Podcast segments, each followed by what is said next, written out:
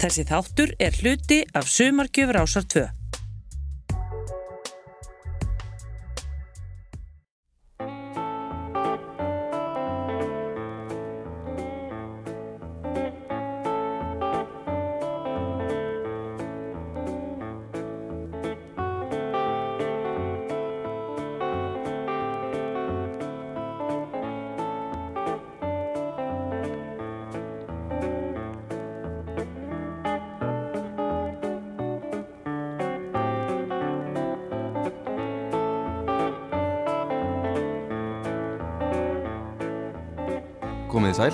ég heiti Skúli Helgason og hér fyrir af stað þáttaröð þar sem hulu verður svift af tæplega 30 ára gamlum hljóritunum með vinsælustu hljómsveit allra tíma.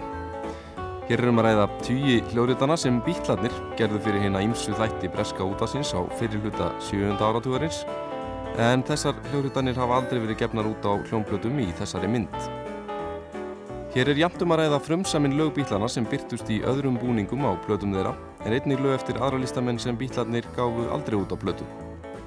Í þessum fyrsta þætti heinum við einnig frumsamið lag þeirra Lennons og McCartney sem ekki hefur heyrst áður í flutningi fjórmenningana. Í þáttónum sem verða á Dagskrá Rásar 2 næstu vikurnar heyrum við auk tónlistar bítlana, önnur brot úr fyrirnefndum útvarstáttum við töl og sprell, auk þess sem við berum tólkanir bítlana á þekktum rocklugum saman við verk annara listamanna. En við skulum byrja á því að heyra nokkur stutt atriði er gefa okkur hugmynd um þær kræsingar sem við eigum í vendum í þessum þáttum.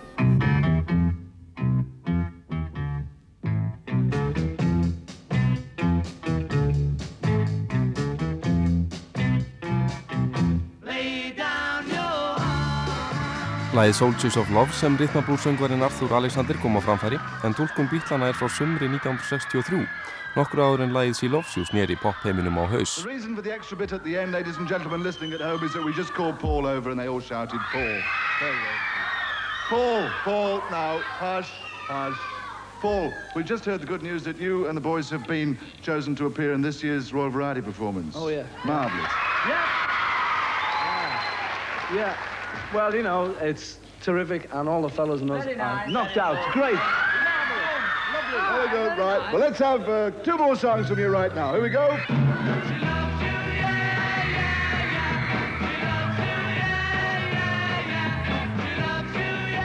Fjölmiðlafólk fekk að kenna á hárbettum skotum fjórmenningana sem refsuðu snábónum grimmilega fyrir misgáulegar spurningar.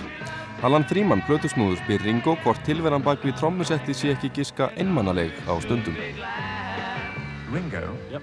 Do you ever feel lonely up the back there playing the drums? Yep. Uh, Do you ever feel that you'd like to sing? Yep. Do you ever say anything else but yep? Nope. Would you like to be someone's love and man? Yep. Now? Yep. I thought you'd say that. Yep.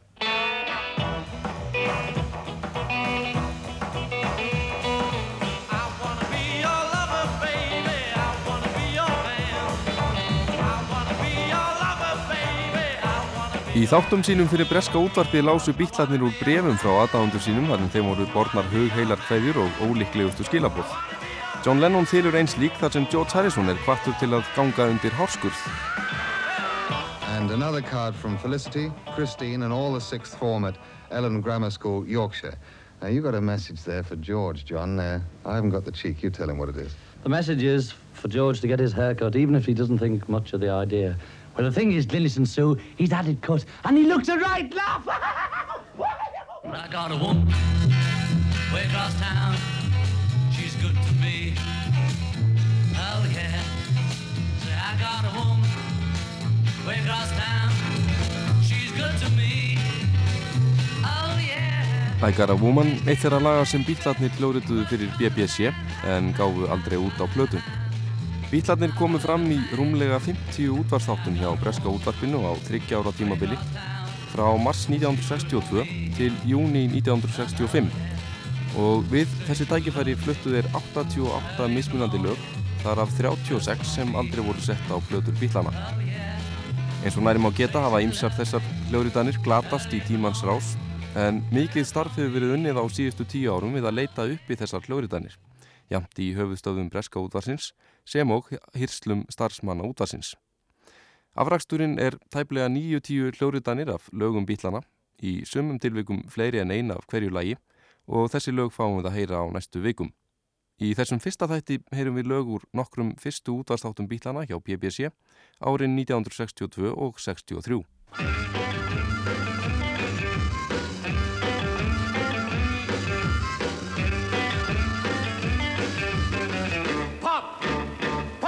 the Beatles!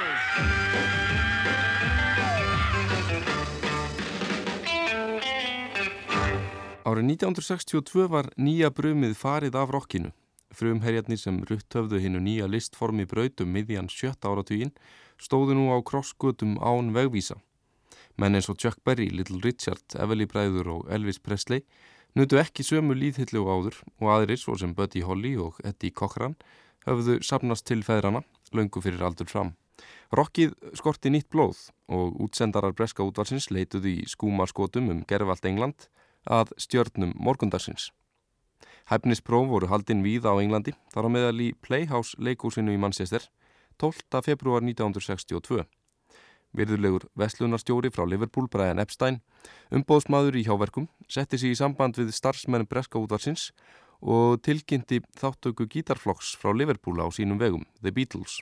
Umsjón með framkvæmt hæfnisprófsins hafði Peter Pilbeam útvarsmaður. Well, those days we were hearing groups of similar size day in and day out. We were spending two or three evenings a week trogging around the north looking and listening at listening to groups in dance halls and disco not disco clubs in those days but clubs that became disco clubs and there was a load of rubbish masses of rubbish and then out of the blue this this group turned up at the playhouse at one of our audition sessions called the Beatles weird name, and everybody sort of said, whoa, yuck, and all the rest of it. But uh, they impressed me at the time. I, I, wrote on their audition report an unusual group, not as rocky, in quotes, as most, more country and western with a tendency to play music. Now that was, in those days, high praise indeed, because there was a hell of a lot of noise came out of most of the three guitars and drum group. One interesting little thing, though, I wrote down against the two vocalists, John Lennon yes. Paul McCartney, no. So, um, apologies, Paul, but there it is. You did, in fact, sing on the first broadcast, so I couldn't have been that hard on you at the time. Nappsveitarinnar The Beatles þótti ekki par vænlegt en Pilbeam leist hins vegar vel á tónlistina. Hann skrifaði í minnisblokk að hér væri sérstæði hljómsveit á ferðinni. Undir sterkari áhrifum frá bandarískri sveitatónlist en tíkt var um rocksveitir þessa tíma. Og það sem meira var, piltarnir síndu óveikjandi tilburði í það átt að spila tónlist skamlaust í stað þess að framleiða tóman háaða. Pilbím hafði afdráttarlausar skoðanir á söngvurum bílana. John Lennon var í náðinni en Paul McCartney fekk hins vegar fallengun. En bílarnir stóðust prófið sem held og hlutu að launum sína fyrstu útvarps upptöku fyrir unglingaþáttinn Teenagers Turn í Playhouse leikúsinu 8. mars 1962.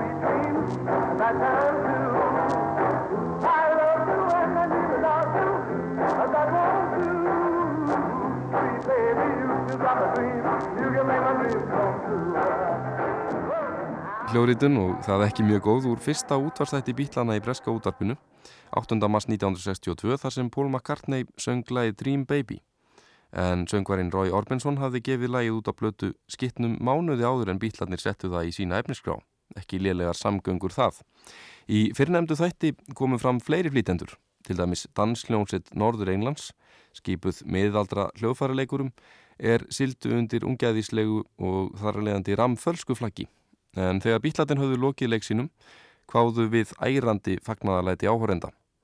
Pítur Pilbím beð ekki bóðana og bauð bítlónum samstundis að koma fram í öðrum þætti hjá BBC. We used to get some terrific audiences down at the Playhouse for the two teenage shows that we did. My colleague Jeff Lawrence did the other one. And uh, we'd have the NDO on stage trying to look like uh, teenagers with their uh, with with their chunky jumpers on, which we, we kitted them out uh, with. I wonder where they all went, by the way. And uh, We used to have a, a group in each program and a guest singer and a presenter, and it was it was the usual style of show that one one did in those days, half an hour, and we'd get a crowd of screaming kids in there, and uh, they used to enjoy themselves. The Beatles came on, did a very good show. I was very impressed with them. I booked them straight away for another date after that first show, and just as a matter of interest, the um, items they did in the first program were two vocals from John Lennon to start with, Hello Little Girl and Memphis, Tennessee. And then Paul McCartney did Dream Baby, which he'd also done on the audition, which was the one that I commented on. And then John did Please Mr. Postman. Bítlarnir fluttu fjögur lög í þessum fyrsta þætti. Dream Baby, Hello Little Girl, Memphis, Tennessee og lokslag sem kom bandaríska rhythmablues söngfloknum The Marvelettes á framfæri árið 1961. Please Mr. Postman, lag sem fór í efstasæti vinsættalistans í bandaríkjónum.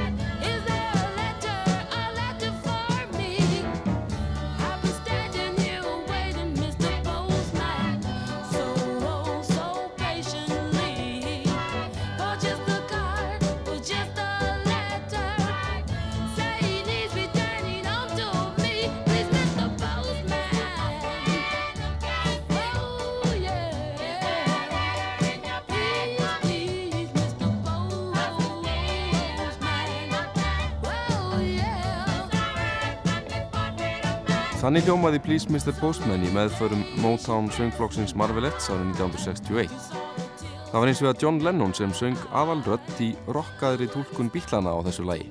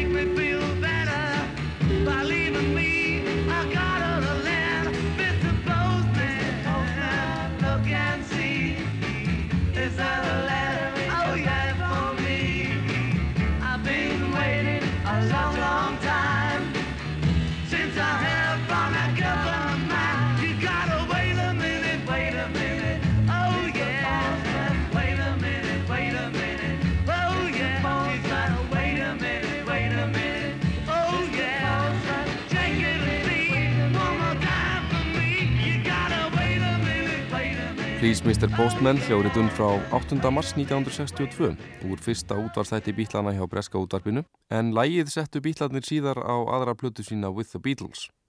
Í fyrstu tveimur þáttum bítlana hjá BBC var liðskipan sveitarinnar þessi, John Lennon, Paul McCartney, George Harrison og Pete Best en þegar bítlanir heimsóttu höfustöðvar útvarsins í þriðarsinn 27. oktober 1962 hafði Ringo Starr sest við trómusettið en Pete Best var á braud. Fyrsta smóskifan Love Me Do var nýkomin út og fyrstu frækortnum bítlaæðis hafði verið sáð. Með auknum vinsældum urðu bítlarnir tíðir gestir hjá Breska útvarpinu og eitt þeirra þáttar sem félagarnir heimsóttu árið 1963 kallaðist Side by Side. Side by Side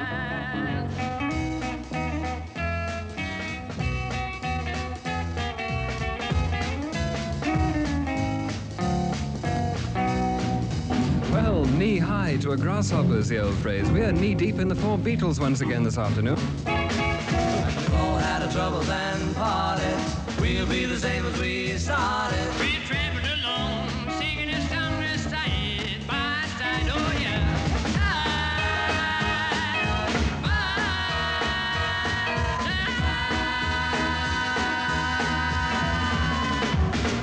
Kynningarlag þáttarins Side by Side, gamalt slagari frá þriðja áratugnum, en gestgjafar þáttarins Karl Denver Trio fluttu þetta lag í félagi við Bílana sem komu þrívegis fram í þættinum á fyrirluta ás 1963.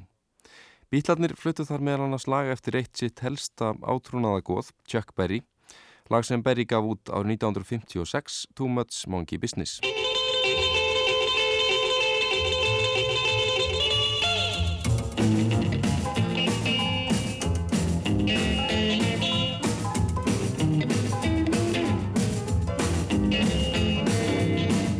And fro, hard working at the mill, never fail in the mill. Here come a rotten bill.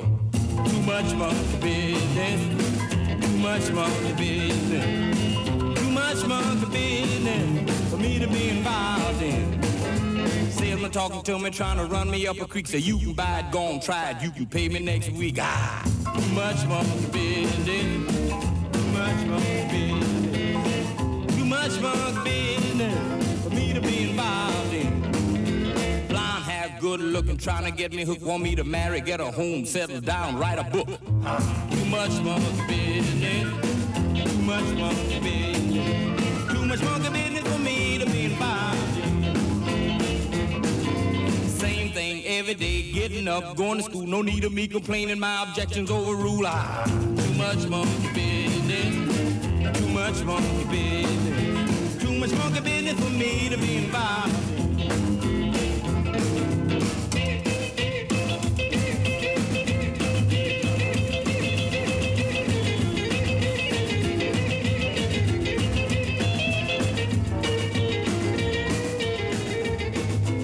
Much Monkey Business í meðförum höfundarins Chuck Berry árið 1956 en á sjöönda áratugnum tóku breskar bílatveitir þetta lag upp á sína arma og gafu út á plötum þeirra á meðal Kings, Hollies og Yardbirds. Bílarnir gafu ekki út sína tólkun en ef hún er borin saman við þá upprunalegu heyri sklögt hver John Lennon var efnilegu rocksöngvari. Running to and fro, hard working at the mail, never fail at the mail, you'd come a mail. Ow! Too much monkey business, monkey business for me to imbibe again. Saying talking to me, trying to roll me up a creek, so you can buy it, don't try it, you can pay me next week. Ow! Too much monkey business, too much monkey business, too much monkey business for me to imbibe again. Blonde hair, good looking, trying to get me hooked on me to marry, settle down, get a home, write a book. Ow! Too much monkey business, too much monkey business,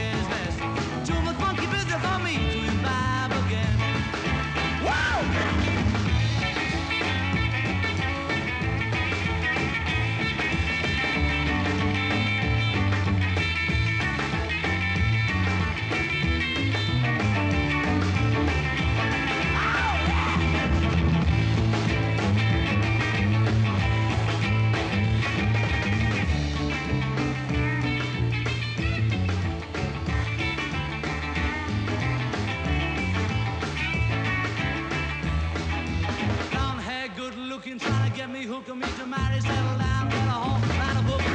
Too much monkey business, too much monkey business, too much monkey business for me to imbibe again.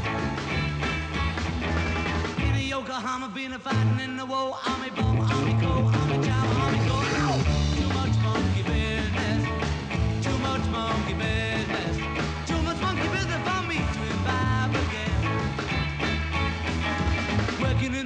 station, too many tasks, but the winner took the tide, took the orders all again. Ow! Too much monkey business, too much monkey business.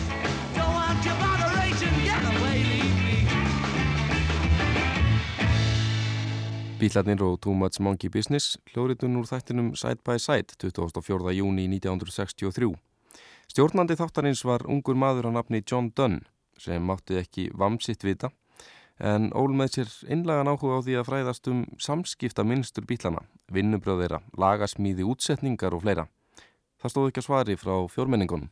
Does the musical arranging for the group? Me. Well, I do. I, do. Me, really. Yes, I do. No, I me. see. Well, look, most of the songs that you sing are original compositions. Which of you composes the song? Oh, that's me again. Ah, yes, I do, you know. That's what I call togetherness. Well, look, let's get down to brass tacks. The next number, Thank You Girl, you did write yourself, and who had the original idea? Me. I- that's my yeah, line. that's No, right. me. I give up. Me. Let's hear it.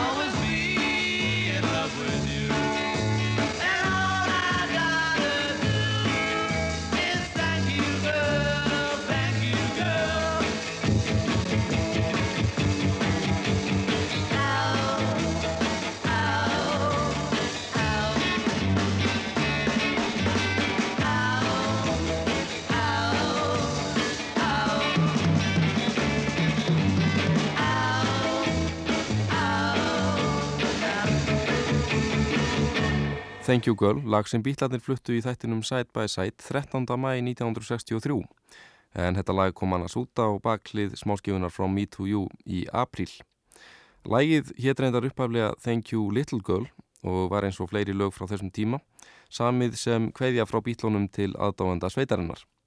Í sama þætti fluttu bítlarnir From Me to You aðra kveðju til aðdáendana Það lag var til í strætisvagni og þeisti þaðan á topp enska vinsættalistans, hér fyrsta af 17 topplugum bítlana í heimalandinu. John og Paul syngja þetta lag og George Harrison mótti prísa sig sælan að þurfa ekki að þennja rattböndin þennan dag. There's been one voice noticeably absent from the Beatles, that of George Harrison. Here's why. If there's anything that you want, if there's anything I can do. Oh, we shouldn't laugh, George. It's awfully rough. I think I should just add that the program that you're listening to has been recorded, and we're actually talking to you from a few weeks ago. So if you were by any chance thinking of seeing the Beatles in action perhaps tonight, there George will be, large as life and twice as beautiful. Right? Yeah, I, I, I, pardon? On with the music. If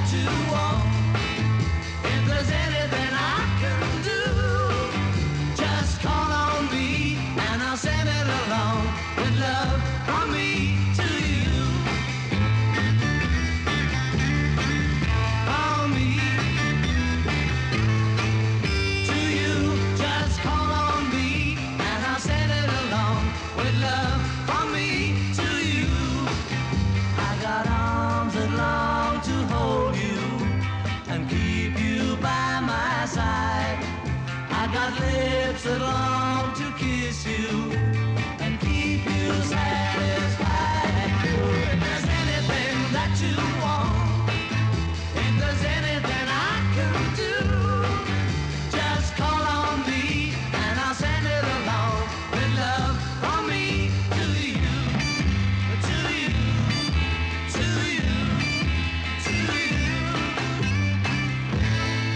From Me to You, hljóritun frá 22. apríl 1963 en alls munu vera til 15 hljóritanir af þessu lægi í fórum BBC. Þess maður enda geta til gamans að Ímsir hafa flutt þetta lag gegnum árin, söngunan Mae West, Supremes, Bobby McFerrin og knattspindulið Tottenham Hotspur, ótrúlegt en satt. Þeir Lennon og McCartney sömdu mörg hundru lagasmíðar á þessum árum og óhjákvæmilega rúmuðu bítla plötunar ekki allan þann fjölda. Aðra hljómsittir gætnan frá Liverpool nutu góðs af þessu og þessari mörg dæmi að kollegar bítlana hafi slegið sér upp á lögum þeirra Lennons og McCartney. Billy J. Kramer and the Dakotas sóttu í söng smiðju bítla tvendarinnar og fundu þar Bet to Me og Do You Want to Know a Secret auklagsins I'll Be On My Way en það lag settu þeir á baklið smáskifu í mæi 1963.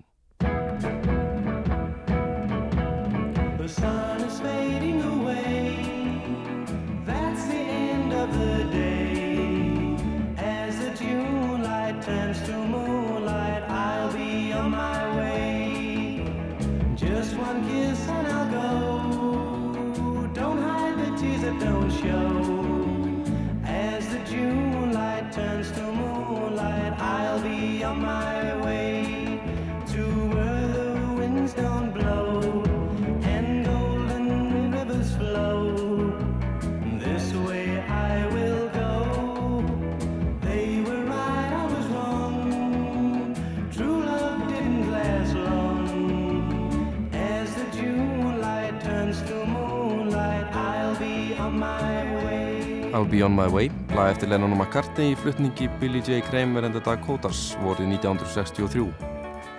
Einn hljóritun er til af þessu lagi hjá BBC í meðförum bítlana sjálfra og þetta er jafnframt eina frumsamda lagið í hópi þeirra 36 laga í fórum Breska útásins sem ekki hafa komið út á plötu.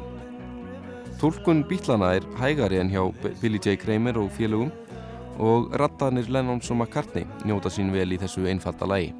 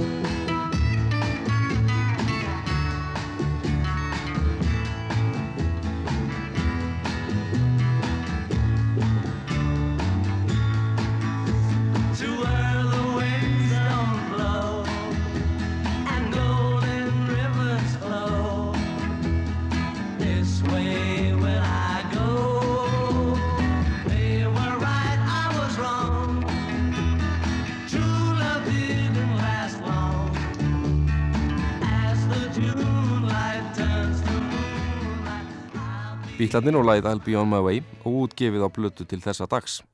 Við höfum nú heyrt nokkrar hljóritanir bítlana fyrir útvarsþáttin Side by Side vorið 1963 en ein helsta veksemd bítlana á þessu tímabili var þó þáttakaðira í vinsælasta tónlistarþætti breska útvarsins Saturday Club. It's time now to hear the first one today from our built-uppers, the Beatles. Two, three, four.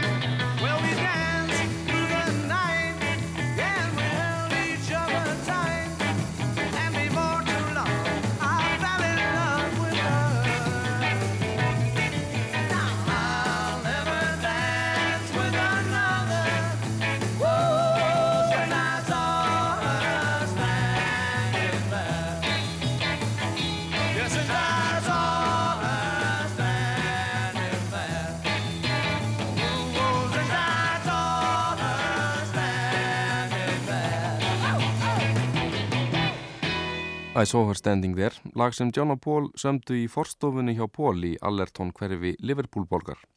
Þess maður endar geta að upphafslína lagsins var í upphafi She was just 17, never been a beauty queen.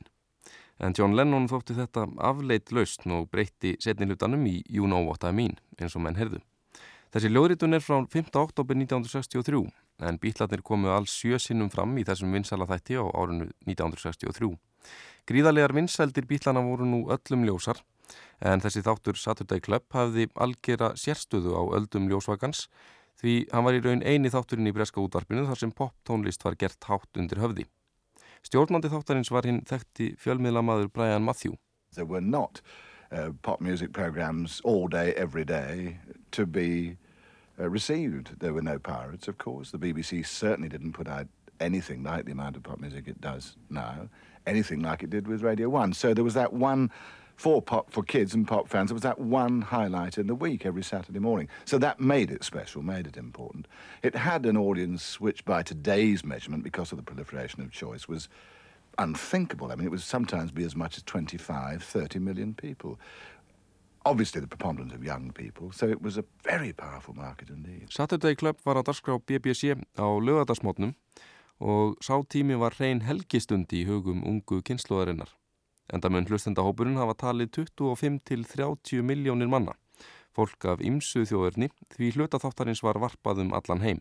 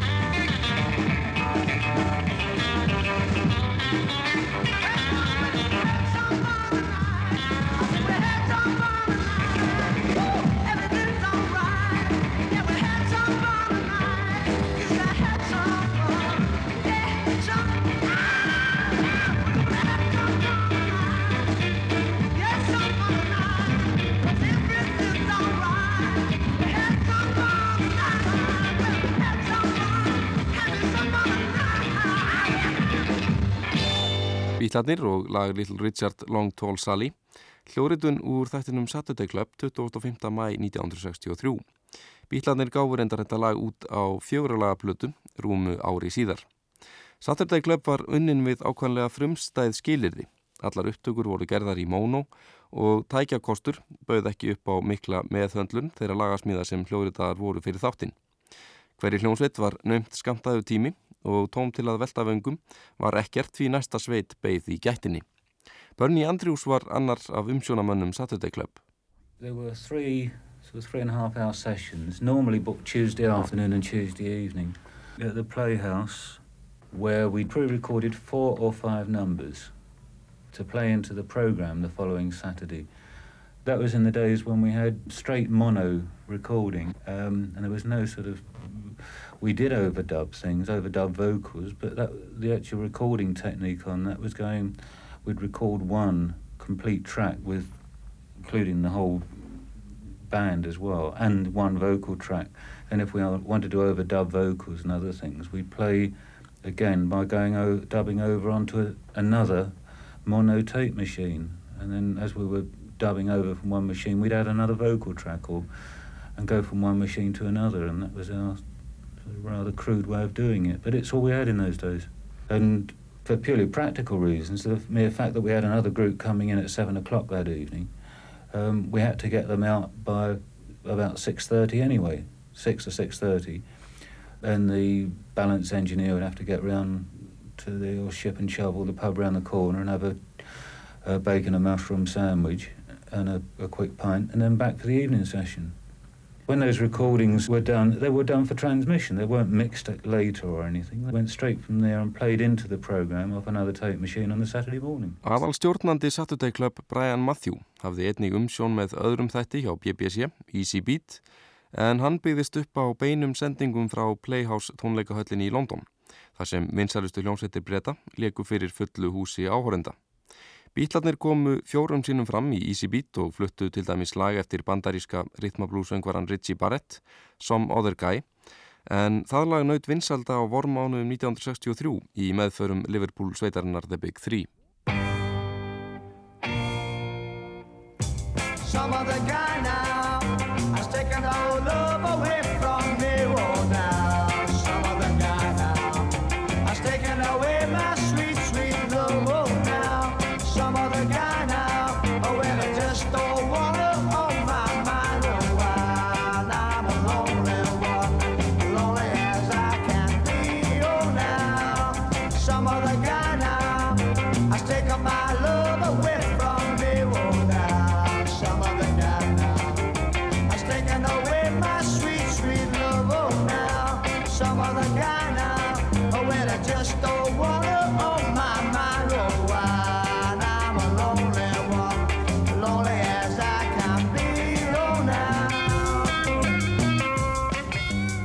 Big 3 og frísklega útgáða þeirra frá april 1963 á læginu Some Other Guy en auk þeirra spreyttu sig á þessu lægi til dæmis hljómsveiturnar The Searchers og Freddie and the Dreamers. Bítlarnir settu sína tólkun aldrei á plast en hins vegar festi breska sjónvarpið á filmu flutning þeirra á læginu í Cavern klubnum í Liverpool árið 1962. Hljóritun breska útvarsins er hins vegar frá 23. júni 1963 og það er Lennon sem syngur.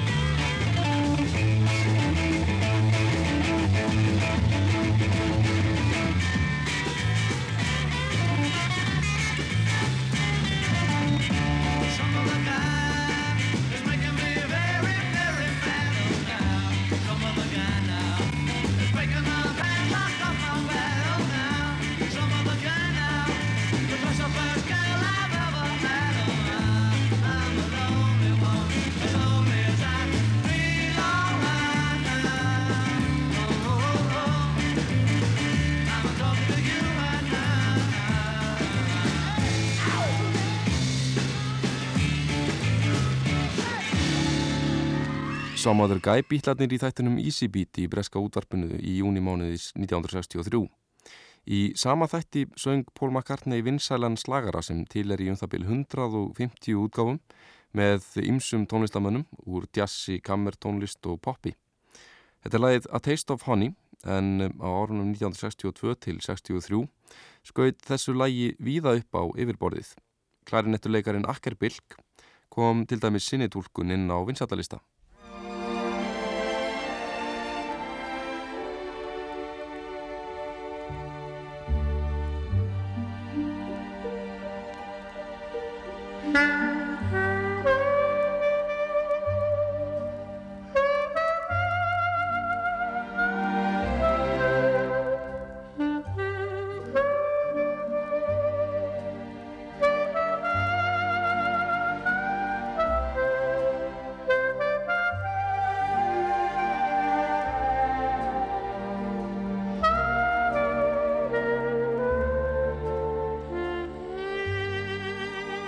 Akker Bilk og hans tólkuna á læginu A Taste of Honey en söngkunan Barbara Streisand gaf einni út afspyrnu rólega útgáfa af þessu lægi á blötu árið 1963. Tólkun Bítlana á þessu lægi A Taste of Honey tekur þó mest mið af útgáfu söngvarans Lenny Wells en hún kom út á blötu árið 1962. A taste of honey. A taste much sweeter than wine.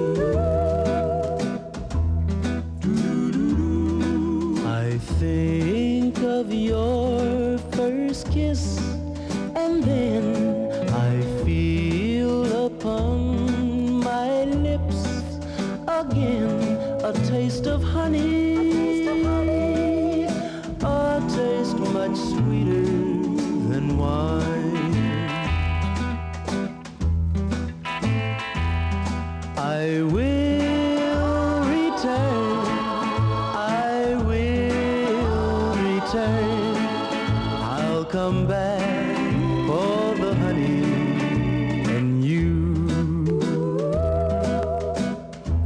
Lít þekktur söngur söngvarans Lenny Wells A Taste of Honey hans útgáfa frá 1962 en í meðförum Bítlana hljómaði þetta vinsala lag hins vegar svona.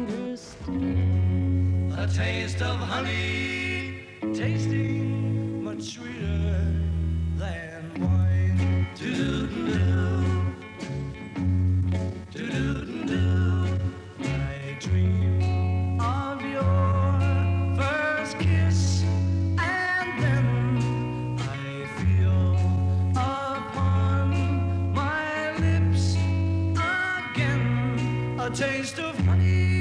taste of honey,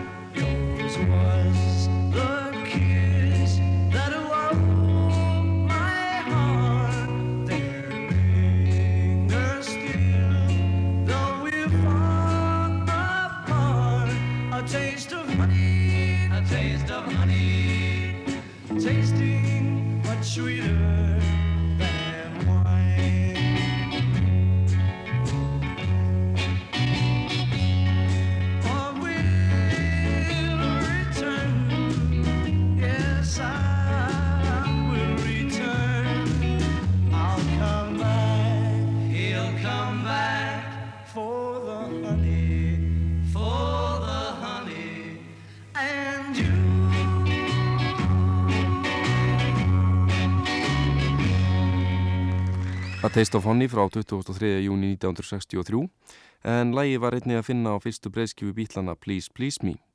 Efniskrá Bítlana bar þess allatíð merki að fjórmenningarnir fyldust vel með hræringum í poppinu og voru vel heima í bandarískri sól og rytmablústónlist. Stúlkansveitin The Shirelles frá New Jersey í bandaríkjónum var til dæmis í miklu uppáhaldi hjá Bítlónum ekki síst lag þeirra Boys frá janúarmánuði 1961.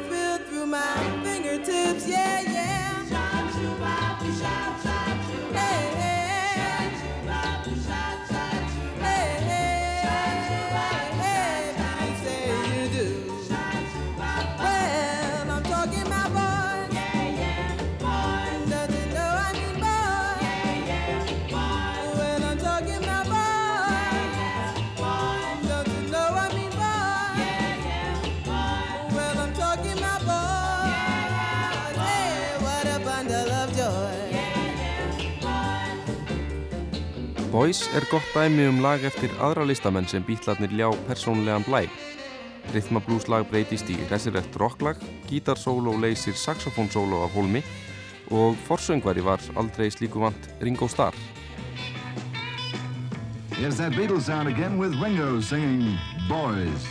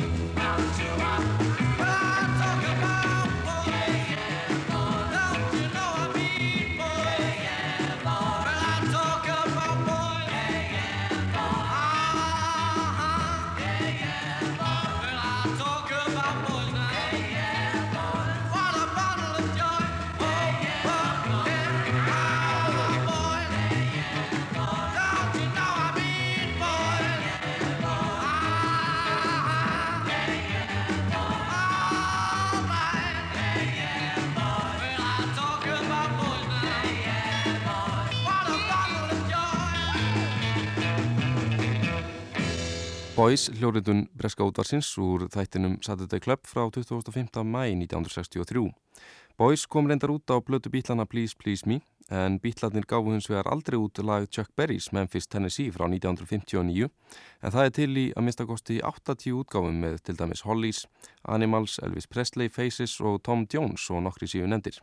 John Lennon söng þetta lag í fyrstu hljóritun bítlana hjá Breska útvarpinu árið 1962 og síðan aftur 5. oktober 1963. Distance information, give me Memphis, Tennessee. Try to find the party, trying to get in touch with me. She would not leave a number, but I know who placed the call. Small coat took the message and he wrote it on the wall. Help me information, get in touch with my Marie. She's the only one that phoned me here from Memphis, Tennessee.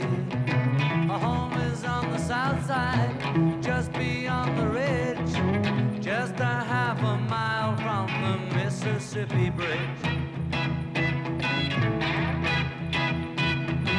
Help me information more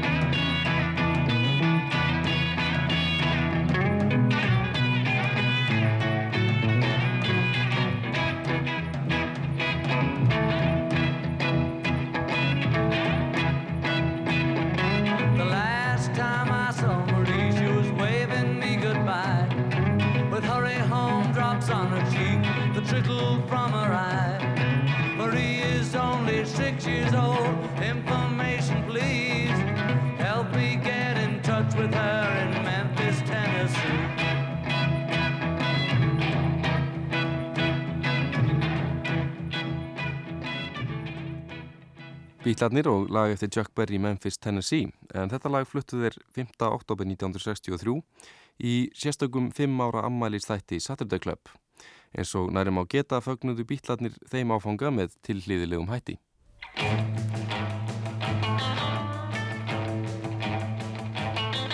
Happy birthday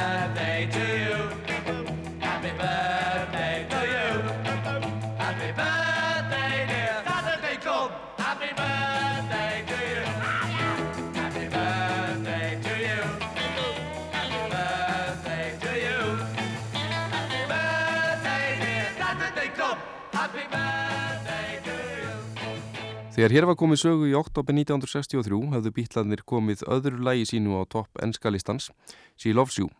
Á bjellið þeirra smáskifu var lægið I'll Get You sem John og Paul syngja en þess maður geta að þetta lag var af einhverjum ástæðu mjög vinsalt í meðförum spænskra og portugalska listamanna í Rómönsku Ameríku.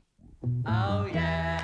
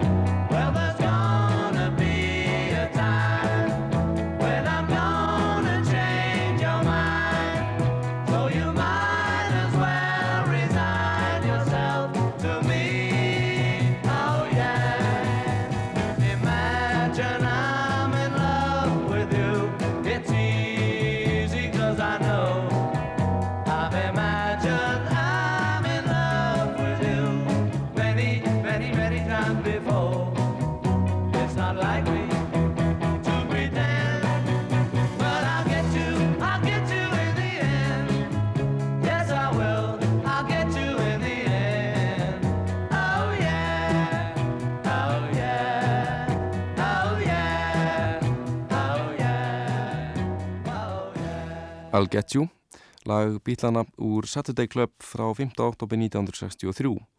Í þessum sama þætti spiluðu Bítlarnir topplag sitt She Loves You en það seldist í tæpum 2 miljónum eintaka í Breitlandi einu og varð söluhæsta lag Bítlana fyrr og síðar. Þess maður endar geta að að mista kosti hálf miljón eintaka seldist í forsölu áður en Bítlarnir höfðu samið textan á þessu lagi sem gefur okkur ágeta hugmyndum það hver miklum vinsældum sveitin hafi náð á þessum tíma.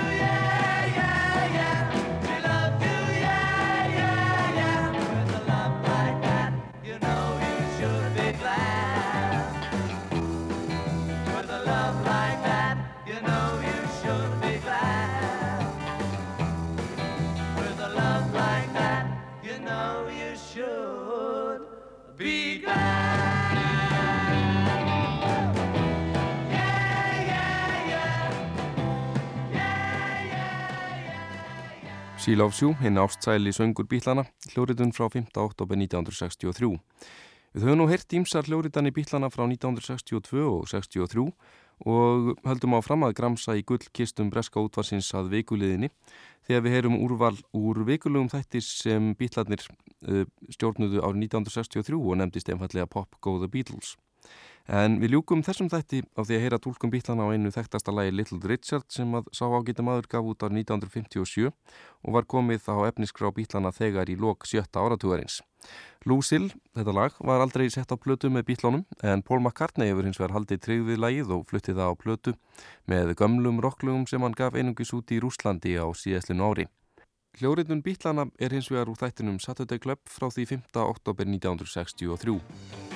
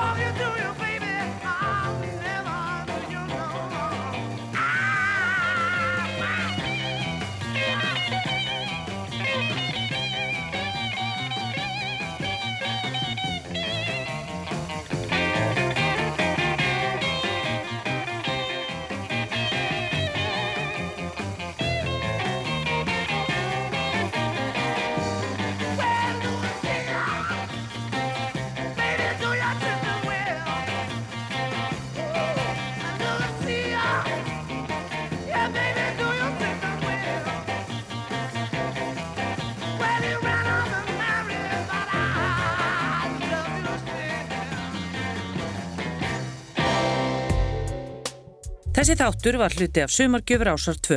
Þú getur nálgast fleiri þætti úr Sapnir Ásar 2 í spilaranum á rúf.is, í rúf appinu fyrir snjáltæki og öllum helstu hlaðvarp sveitum.